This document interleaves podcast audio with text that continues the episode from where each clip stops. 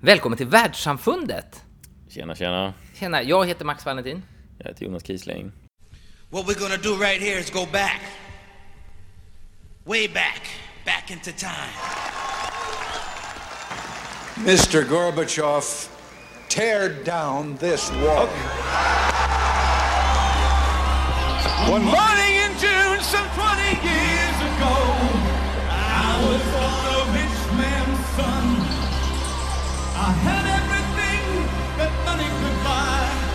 but freedom I had none.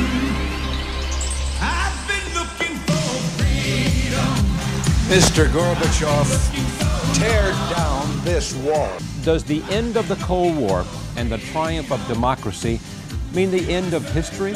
Francis Fukuyama, former State Department official and political scientist, says yes. Now he has expanded his ideas into a book entitled The End of History and the Last Man. Welcome. Thank you very Ah. much. Build that wall. Build that wall. Build that wall. Build that wall. Build that wall. Build that wall. Build that wall. Build that wall. So, we're going to build it. Who's going to pay for the wall? 100%. Mm. Det är stämningssättare för dagens avsnitt. Vad, vad tänker du Jonas? Ja, vad spännande. Det, det började med någon som pratade om att go back in time. Vem var det? Det, är bara någon så här sampling från någon funkskiva på 70-talet som är väldigt populär bland DJs när man ska göra en sån här time loop. Vi ska ju försöka hoppa tillbaka i tiden. Jag tänkte bara, det var bara en sån typ av referens. Den, här, den har ingenting. Det har ingenting med resten att göra. Jag förstår. Nej, men för sen så... Det, större delen där var ju på något sätt 30 år sedan Berlinmuren faller och den liksom moderna eran på något sätt inleds. Eller ja, någon sorts modern era inleds. Ja men verkligen. efter, eh, efter kalla kriget-tiden. Så att, eh, det, det, var, det var ju kul. Det var även kul att dagens uh, huvudperson Fukuyama fick vara med på törn där. Ja, precis. Han blev intervjuad där 1992 när han släpper en bok vars vi, vi har läst eh, själva bakgrundstexten till idag som var från fyra år tidigare. Alltså äldre texter som ger en eh, prognos av vad som ska hända och, en, och liksom de försöker på något sätt fånga in vad som håller på att ske just då. För att med historien som facit kan man utvärdera kraften i deras, i deras modellerande. Och det här är ju en väldigt nyttig sysselsättning och även som man kan syssla med själv då. Att gå tillbaka, tänka lite, hur tänkte jag kring, låt oss säga, valkampanjen inför förra riksdagsvalet? Vad hände sen? Hur gick det?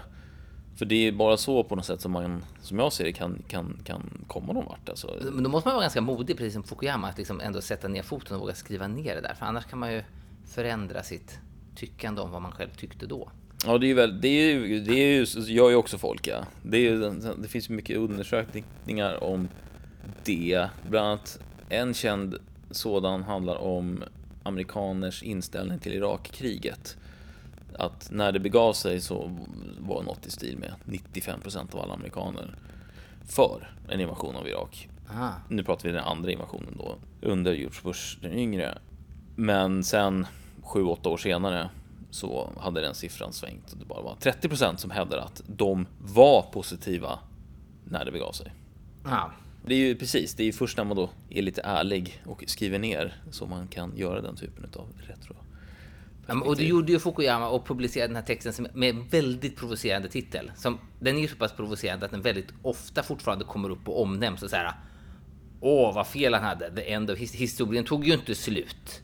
Alltså som om han skulle varit någon slags domedagsprofet som hade dragit ut ett följe i öknen. Och alla skulle stå där och jorden skulle förstöras och sen liksom så här, "Hä, det hände inte den här domedagen heller. Vi får väl åka hem och koka pasta. Men det var inte riktigt det han menade. Nej, just det. Så ska vi, ska vi helt enkelt börja med att försöka förstå vad det är han menar. Så Fukuyama skrev alltså den här artikeln 1988. Och titeln då, End of History, det är ingenting han har kommit på själv, utan den liksom idén om, och nu är det inte så att historien som skede skulle ta slut, såklart. Saker och ting kommer fortsätta att hända, utan det han menar är att den idémässiga utveckling som har pågått kring mänsklig organisation och politik och så sen egentligen människan kom till har nått sitt slut i och med liberalismen. Då. att eh, liberalismen är som ideologi så pass allomfattande att det finns liksom inga världsliga problem som inte kan lösas inom ramen för eh, liberalismen. Och det här är ju en tanke som inte han var först med såklart, utan ja, men många känner igen det från, från Marx. Då. Han hade ju precis samma tanke, att det finns ju spänningar då. Han, han, han såg ju då spänningen mellan, mellan kapital och arbetare som någon sorts drivande orsak till, till historisk utveckling och då och det här skulle leda fram till kommunismen och i hans värld då var kommunismen slutpunkten. Sen så skulle ingenting mer, ingen sån här, sen var den här dialektiken borta. När, när proletariatet har tagit över ägandet. Precis. Och det var ju inte heller Marx som var först med den här tanken. Utan Marx lånade ju det från Hegel. Som... eh, Och Hegel är ju nästan huvudpersonen i den här berättelsen. Ja, det får man väl säga. Så Hegel, eh, han var ju tidigt ute. 1806 hävdade ju han att historien tog slut i och med slaget vid Jena. Vad var det som hände då? Nej, det, nu, det här har jag bara lärt mig via den här texten. Det, det är då Frankrike slår Preussen i något slag där. Och det här Ja, tyckte i Jena. Ja, i Jena ja. Ja, precis. Så det var ju då Napoleon som ja, besegrade den preussiska kungahuset, eller um, preussiska... Någon slags kejsare nästan kanske. Eller, men, men där är i alla fall, det är någon form av idé av att då upplysningens liberala ideal vinner över en äldre organiseringsförmåga. Exakt. Så det var liksom därmed liksom befästes då den franska eh, revolutionens upplysningsideal som, som den rådande ja, samhällsordningen. Så då deklarerade Hegel att historien helt enkelt var över. Och det, det Fukuyama, no, man får väl ändå säga att han argumenterar för det.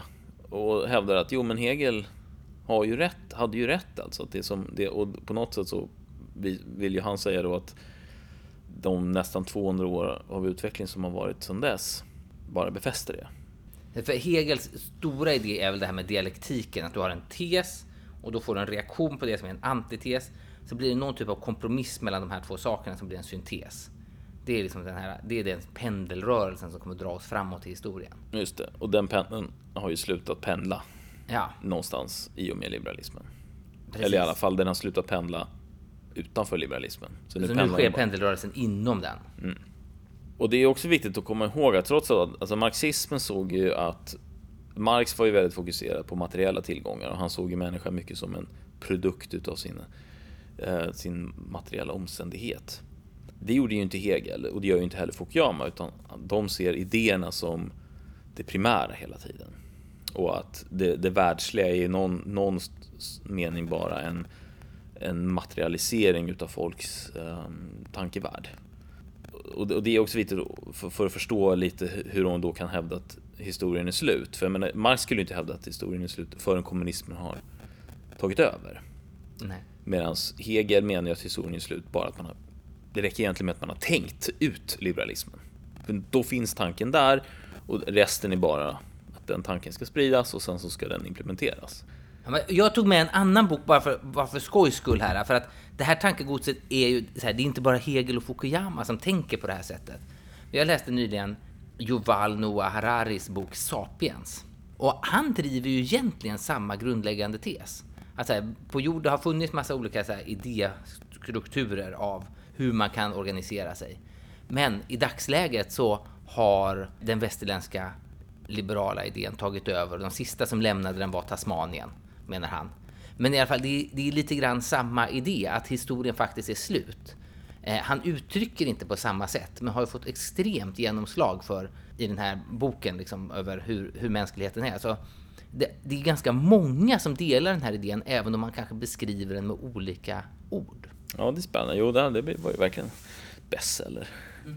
Ja, nej, sen så, och, och det, ett viktigt tema i den här äh, artikeln då av Fukuyama är ju att han, han försöker hela tiden peka på vikten utav att idéerna går före. Eller Ja, Men hur, och hur beskri- vad, vad liksom, kan vi få en exempel på när det här, när, hur sker det här?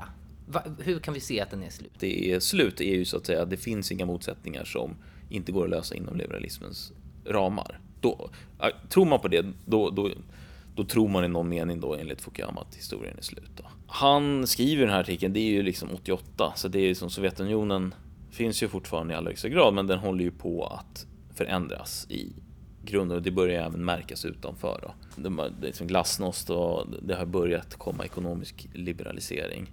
Och han ser ju då, man kan inte förklara det som sker i Sovjetunionen bara med att materiellt inte fungerar. För det har ju varit uppenbart 30 år minst.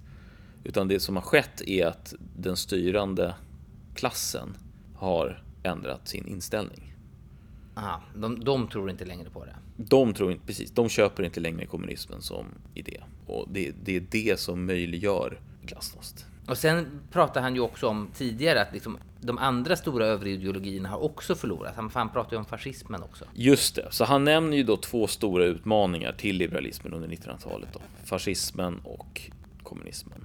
Och han ser ju fascismens liksom beef med, med liberalismen var att liberalismen som system någonstans saknar själ eller att liksom ge vardagen ett innehåll. Den ger inte liksom en mening för Det folks finns ingen tillvaro. utopisk dröm som sätter ut en riktning. eller? Exakt, utan det handlar bara om, det är någon sorts teknokrati bara. Man ska liksom, man ska lösa problem. Men han säger att fascismen som, som idé dog i och med slutet på andra världskriget. Han säger att jo, men det finns ju, förlusten var så total att det har gjort den idén egentligen icke gångbar efter det så att säga. Eh, så han såg ju kommunismen som den enda seriösa utmaningen under andra halvan av 1900-talet. Men i och med då kan man ju ana då, för han anar ju någonstans att vart det är på väg nu. Och det befäster han sen antagligen då med den här boken att okej, men nu, nu får man väl ändå säga att även kommunismen får stryka på foten. Det är en rolig person som dyker upp i den här texten flera gånger. Och det är en fransk eh, hegeltolkare, Kodjev. Just vem det. är han och vad, vad, vad säger han? Ja, så han verkar ju ha varit den som liksom slog liv i eh, någon sorts modern 1900-talstolkning utav, utav Hegel. Då. Så han, rysk eh, ursprung, verksam i Paris under tidigt, eller första halvan av 1900-talet. Han gav en serie liksom föreläsningar med många kända tänkare som eh, Sartre i publiken. Men även, då, även på högerkanten, både höger och vänstertänkare som liksom blev inspirerade av det här. Och det tycker jag är en rolig parallell till just Hegel. För att jag läste någon för länge sedan, en Hegel-grej, att här, det finns ju, Marx är ju en slags vänsterhegelian, skulle vissa säga då. Men i tidig Hegel, när han, för han var tydligen en estradföreläsare, jätterolig, så här, folk verkligen vallfärdade till hans föreläsningar för han var så kul. Det är intressant med tanke på att hans böcker är så otroligt svårbegripliga. ja, det är sant. Men det, så sägs det i alla fall. Ja, ja, ja. Man, man, var, man var där och då fanns det flera läger av tolk, uttolkare. Och då fanns det i huvudsak då ett vänsterhegelianskt gäng och ett högerhegelianskt gäng. Fast det här högerhegelianska gänget, de liksom eh, skrumpnade bort under 1800-talet och vänsterhegelianerna fick liksom det största tolkningsföreträdet. Mm. Så det är lite roligt att liksom samma typ av återuppståndelse kring någon form av dialektik kring Hegel själv återuppstår på 1900-talet. Tycker jag är roligt. Ja, det är spännande. Det finns ju en annan variant på det som också eh, Fukuyama nämner och det är den här eh, att marx, eh, marxismen är ju materialistisk i sin historiesyn. Men han menar att det är inte liksom en vänster det är, inte, det är inte bara vänstern som sysslar med materialistisk historietolkning utan han, han har, eh, pratar även om de här Wall Street Journal materialisterna som, som man, man skulle egentligen alltså det känner de flesta igen, att de reducerar ju människan till en fullständigt rationell vinstmaximerande varelse. Då har man ju verkligen inte satt idéerna i första rummet. Utan det handlar ju bara, då är alla människor bara ute efter att maximera någon form av vinst och är, och är liksom helt frikopplade från, från sinnevärlden. Ja, just det. Så the rational man är egentligen marxist där då. Ja, absolut. Ja, Khrushchev i alla fall, han, han, han levde ju som han lärde också, för han, han såg ju mycket framväxten utav det som numera är EU som um, manifesteringen utav, utav liberalismens seger. Att här kommer det här äh, överstatliga, helt regelbaserade äh, systemet som, som bara som inom vilket man skulle kunna lösa alla konflikter. För alla konflikter, om man köper det här, kommer ju vara av, av liksom typen hur ska X handla med Y? Vilken nivå av skatter ska vi ha här? Ska vi ha någon tull här? Etc.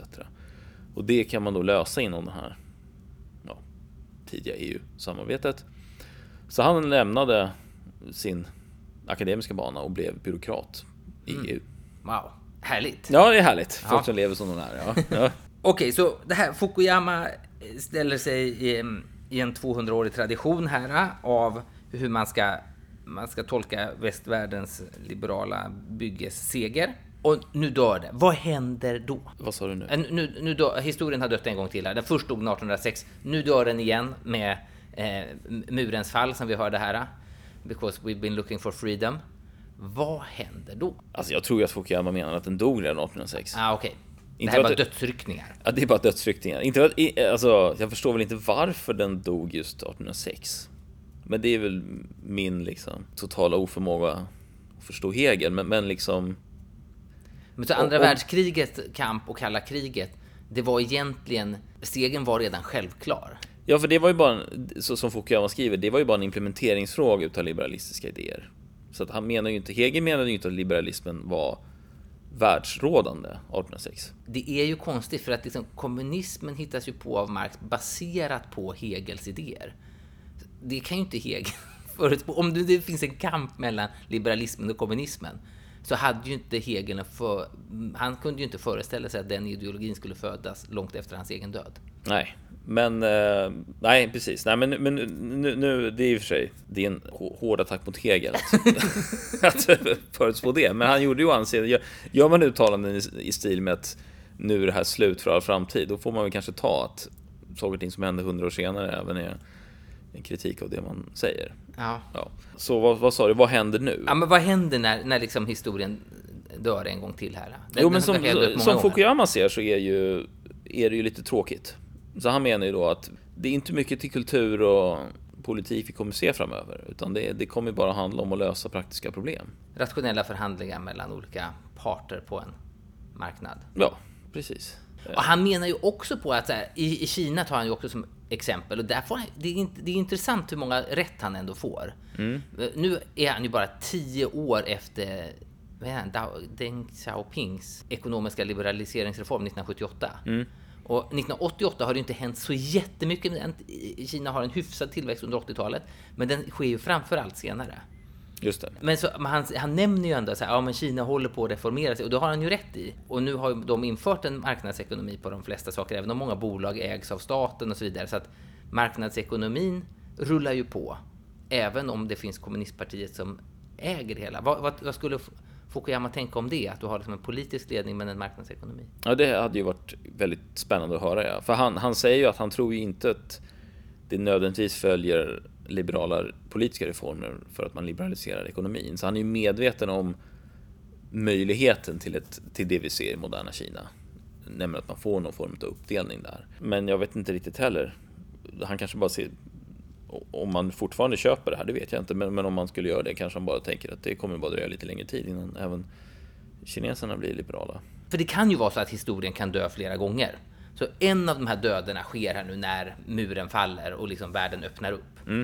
Och då säger han, ja men då har liksom kampen mellan kommunismen och det liberala dött. Han ser några små hot på horisonten. Men de har förmodligen inte kapaciteten att liksom göra någonting stort. Och de här två hoten är, det ena är den auktoritära religiösa staten. Och han menar på att det skulle kunna komma från egentligen vilken religion som helst. Men de som har det största claimet är politisk islam.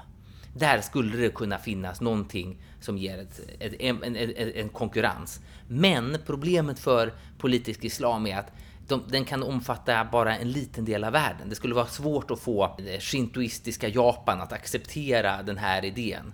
Den har liksom inte samma eh, globala potentialitet som liberalismen har. Just det, vad Hanif Bali än säger så är det ganska låg sannolikhet att Sverige blir sharia-stat. Precis. De, de kanske kan kontrollera en viss del av världen, säger han. Så här, men, men det är inte liksom det han menar med idéernas kamp riktigt, för den ska vara liksom mer global. Den, precis, den ska potentialen att omfatta allt. Ja. Men så där ser han någonting. Och det andra han ser någonting, det är då ett, ett återtåg av nationalismen. Och då säger han, det är svårt att beskriva vad den skulle kunna vara, för den är ett så stort spektra. Från folk som är lite nostalgiker kring olika folkdräkter och beteenden som folk kan tänkas ha. Som Mattias Karlsson i Gimleföreningen, där han ska härsa hö och sånt där. Eh, Till folk som är liksom full-fledged national socialists som ska liksom bygga stora betongvägar för att köra tanks fram och tillbaka på. Så det, det finns ett, en stor spännvidd inom det här nationalistiska projektet. Men Och det vet jag inte riktigt varför han säger att det inte skulle kunna bli något. Men det kan det i alla fall inte enligt Fukuyama. Det har inte riktigt den potentialen. Nej, man kan väl tänka sig att det i hans värld fortfarande borde vara så pass förknippat kanske med fascismen och den totala förnedring och förintelse som den slutade i. Just att, att den är, att den är omöjlig som globalt politiskt projekt. Ja, Men det, nej men det där är ju spännande för han, han pekar ju på de, eh, de två rörelser som idag ändå får sägas vara liksom huvudutmanarna till det liberala projektet. ja det är ju faktiskt jättehäftigt tycker jag. Politisk islam växte väl till sig under 90-talet och i och med liksom efter september klev det ut på, på världsscenen. Men nationalismen som, alltså vad ska jag säga, nyhögern eller den här alt-right-rörelsen som vi pratar mycket om idag, dröjde ju ytterligare 10 år. Så det, det, han är ju åtminstone 20 år före sin tid där. Ja, det, det tycker jag verkligen man kan säga. Min egna liksom reflektion när jag läser det här, det är lite att han, han missar ju lite granna i sin iver att hävda att liberalismen nu har vunnit. Den kritik då, så han, han pekar ju på att kommunismen och um, fascismen blev ju besegrade som alternativa ideologier. Okej, om, om, att man, om man köper det då. Så fascismen sågs så som en, som en kritik utav liberalismens avsaknad av själ, eller möjlighet att besjäla eh, tillvaron. Och kommunismen så, eh, var en kritik av de materiella motsättningarna som finns mellan eh, under och överklass, eller arbetarklass och kapitalister. Även om kommunismen och fascismen försvinner så försvinner ju inte de problemen som de pekar på. Och Fukuyama påstår ju då att okej, okay, nej men det som, och det här är något som Khrushchev var stor vurmare för, så han såg ju då att nej men den amerikanska, moderna amerikanska staten har ju liksom löst i alla fall det, det problemet som kommunismen pekar på, nämligen likhet. Att visst, det finns fortfarande rika och, rika och fattiga, men alla har ju lika, det är likhet inför lagen och det är lika. Alla människor har samma mänskliga rättigheter, alla har samma förutsättningar att eh, starta företag, ta anställning. Ja, det finns inga sådana trösklar inbyggda i. Exakt. Systemet. Skråväsen, allt sånt där det är, liksom, det är liksom borta. Utan man föds i någon mening lika då. Även om, även om man kanske har um, olika förutsättningar att komma någon vart. Det menar han då skulle vara svaret på kommunismen. Det kan man ju acceptera eller inte acceptera. Men vad är då, vad är då lösningen på den kritik som fascismen riktade? Ja, alltså man kan ju tänka sig att det till exempel är att inom det liberala så finns det ju religionsfrihet. Alltså att om, om, om du nu tycker till exempel att Gud fyller ditt liv så är det helt okej. Okay. Du kan inom en liberal stat antingen ha många gudar som en eh, politistisk hindu och som den kan leva granne med någon som tror på några typer av eh, naturreligion till exempel. Det, så att det finns liksom ingen omöjlighet att på, i det, på det privata planet fylla sitt liv med mening. Det behöver kanske inte prompt vara det liksom överordnade nationella systemet som ska lösa just det. Utan där, där säger väl liberalismen att det, är upp till individen. Men nu, nu, nu ska jag läsa lite av vad, vad han skriver. Så skriver han så här, det här är precis i slutet av artikeln. The end of history will be a very sad time. In the post-historical period there will be neither art nor philosophy, just the perpetual caretaking of the museum of human history. Så att han ser ju inte riktigt det. Va? Han menar ju någonstans på att ja, det kommer bli trist. va. Och om man redan 1900, alltså tidigt, första halvan 1900-talet såg det här problemet som så pass akut att, hela, att det, möj, att det liksom la grunden för hela den nazistiska och fascistiska framväxten. Och, och det här är då svaret som han ger på, på hur det ser ut idag. Ja, så att, att folk liksom arrangerar festivaler eller bygger saker och har Ja, kul. det räcker inte. Det räcker inte. Utan dörren är ju någonstans fortfarande öppen. Va? Så att om man ska vara lite snäll mot Fukuyama här så skriver han ju någonstans också att varför, varför är det så att vi ser idag att den största utmaningen mot liberalismen kommer då från hög, nyhögern och inte från någon sorts modern vänsterrörelse. Så skulle det väl kunna vara precis detta då. Han, han ser 1900-talet lite som kampen då mellan någon sorts trepartskrig mellan liberalismen å ena sidan, kommunismen som attackerar den från vänster och fascismen som attackerar den från höger. Som slut kulminerar då i, i, eh, i sent 80-tal med att kommunismen slutligen då förlorar och fascismen långt innan det. Finns det någon analogi till var vi befinner oss idag? Alltså, har, har vi, finns det någon motsvarighet till liksom tre, no, no, någon sorts tre poler då? Det kanske är då islam å ena sidan och nationalismen å andra sidan som attackerar det liberala bygget. Och vad, vad har vi för liksom konkreta manifestationer av det här? Jag tänker att det är kul att han har de där tre, för det har ju Hegel i tes, antites, syntes. Och nu har vi i den här nya tre också. Och jag tänker mig att en sak som är tydlig för mig i alla fall, att när, när jag gick i, tidigt i skolan på alltså mellanstadiet så där, då fick jag ju lära mig världen enligt den här första uppställningen. Och, eh, eh, Medan idag, om jag ska till exempel göra projekt utanför Sveriges gränser, så eh, finns det en, ny, en region som heter MENA, Middle East and North Africa. Den liksom är nästan som en kontinent i beskrivningen av saker och ting. Den, tidigare var det liksom Afrika, Asien och eventuellt lite delar av Europa. Men nu har vi liksom format om det till en makroregion.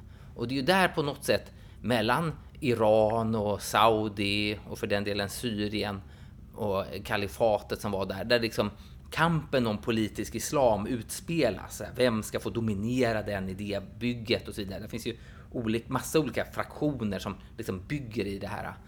Eh, och det tänker jag mig att, att, att, vi väljer att se det som, som en region på ett annat sätt än vad vi gjorde tidigare är ett uttryck för det här. Medan den här...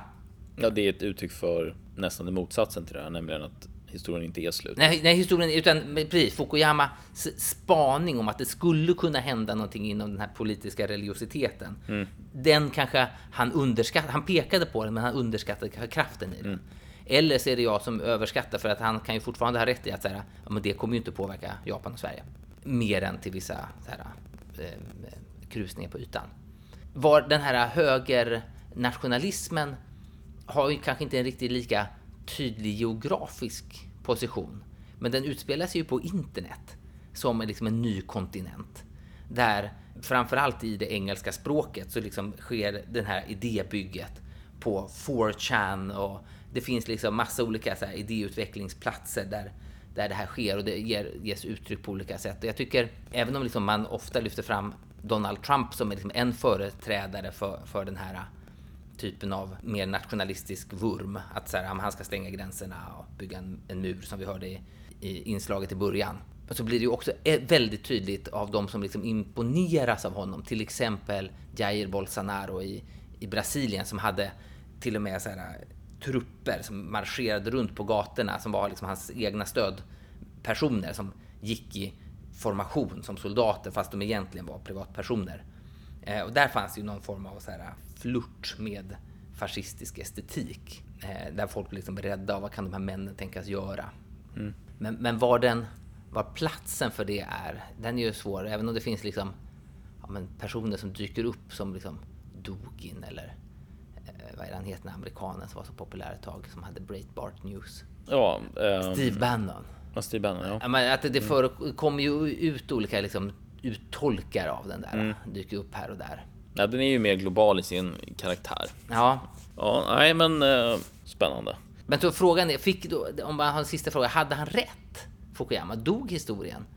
1806, vid slaget vid Jena. Ja. Jag har väl väldigt svårt att se vad det skulle kunna hjälpa oss att förstå idag. Ja, det spelar ingen roll. Nej, men någonstans så som förklaringsmodell att säga att nej, men det idémässiga, den idé, idébygget är liksom slut nu. För vi har, vi har kommit fram till den liksom ultimata, det ultimata ramverket. Nu handlar det bara om att putsa detaljerna. Det, det, det kan hjälpa en att förstå är väl hur vissa liberala tyckare fortfarande kan säga det de säger. För de köper den bilden av verkligheten. Men det känns ju inte som att verkligheten köper den bilden av verkligheten. Men för jag, jag, tänker till exempel på, det var någon gång så här, när, man, när vi byter regering mellan de olika blocken tidigare då i Sverige, så till exempel ändrades kulturbudgeten ungefär med 1%. Och det är ju liksom så årliga förändringar. Om vi ändå skulle tänka oss att budgeten är ett uttryck, det är en materialisering av idévärlden, då har ju Fukuyama rätt. För då är det ju inga större förändringar. Sen så här, åh, ska vi ta bort värnskatten? Inte, alltså det, här, det, där, det är ju de här eh, finliret inom idébygget. Absolut, nu vill inte jag förringa kulturbudgeten, men det är väl inte den enda liksom enda måttstocken på Nej, det var bara en, politik en, en, skillnad. Men det, det, är en intressant, absolut en, intressant. Men, men jag tycker då kommer vi tillbaka till någonting vi diskuterade i tidigare avsnitt. Att kan man verkligen acceptera idag att politiken inte gör någon skillnad.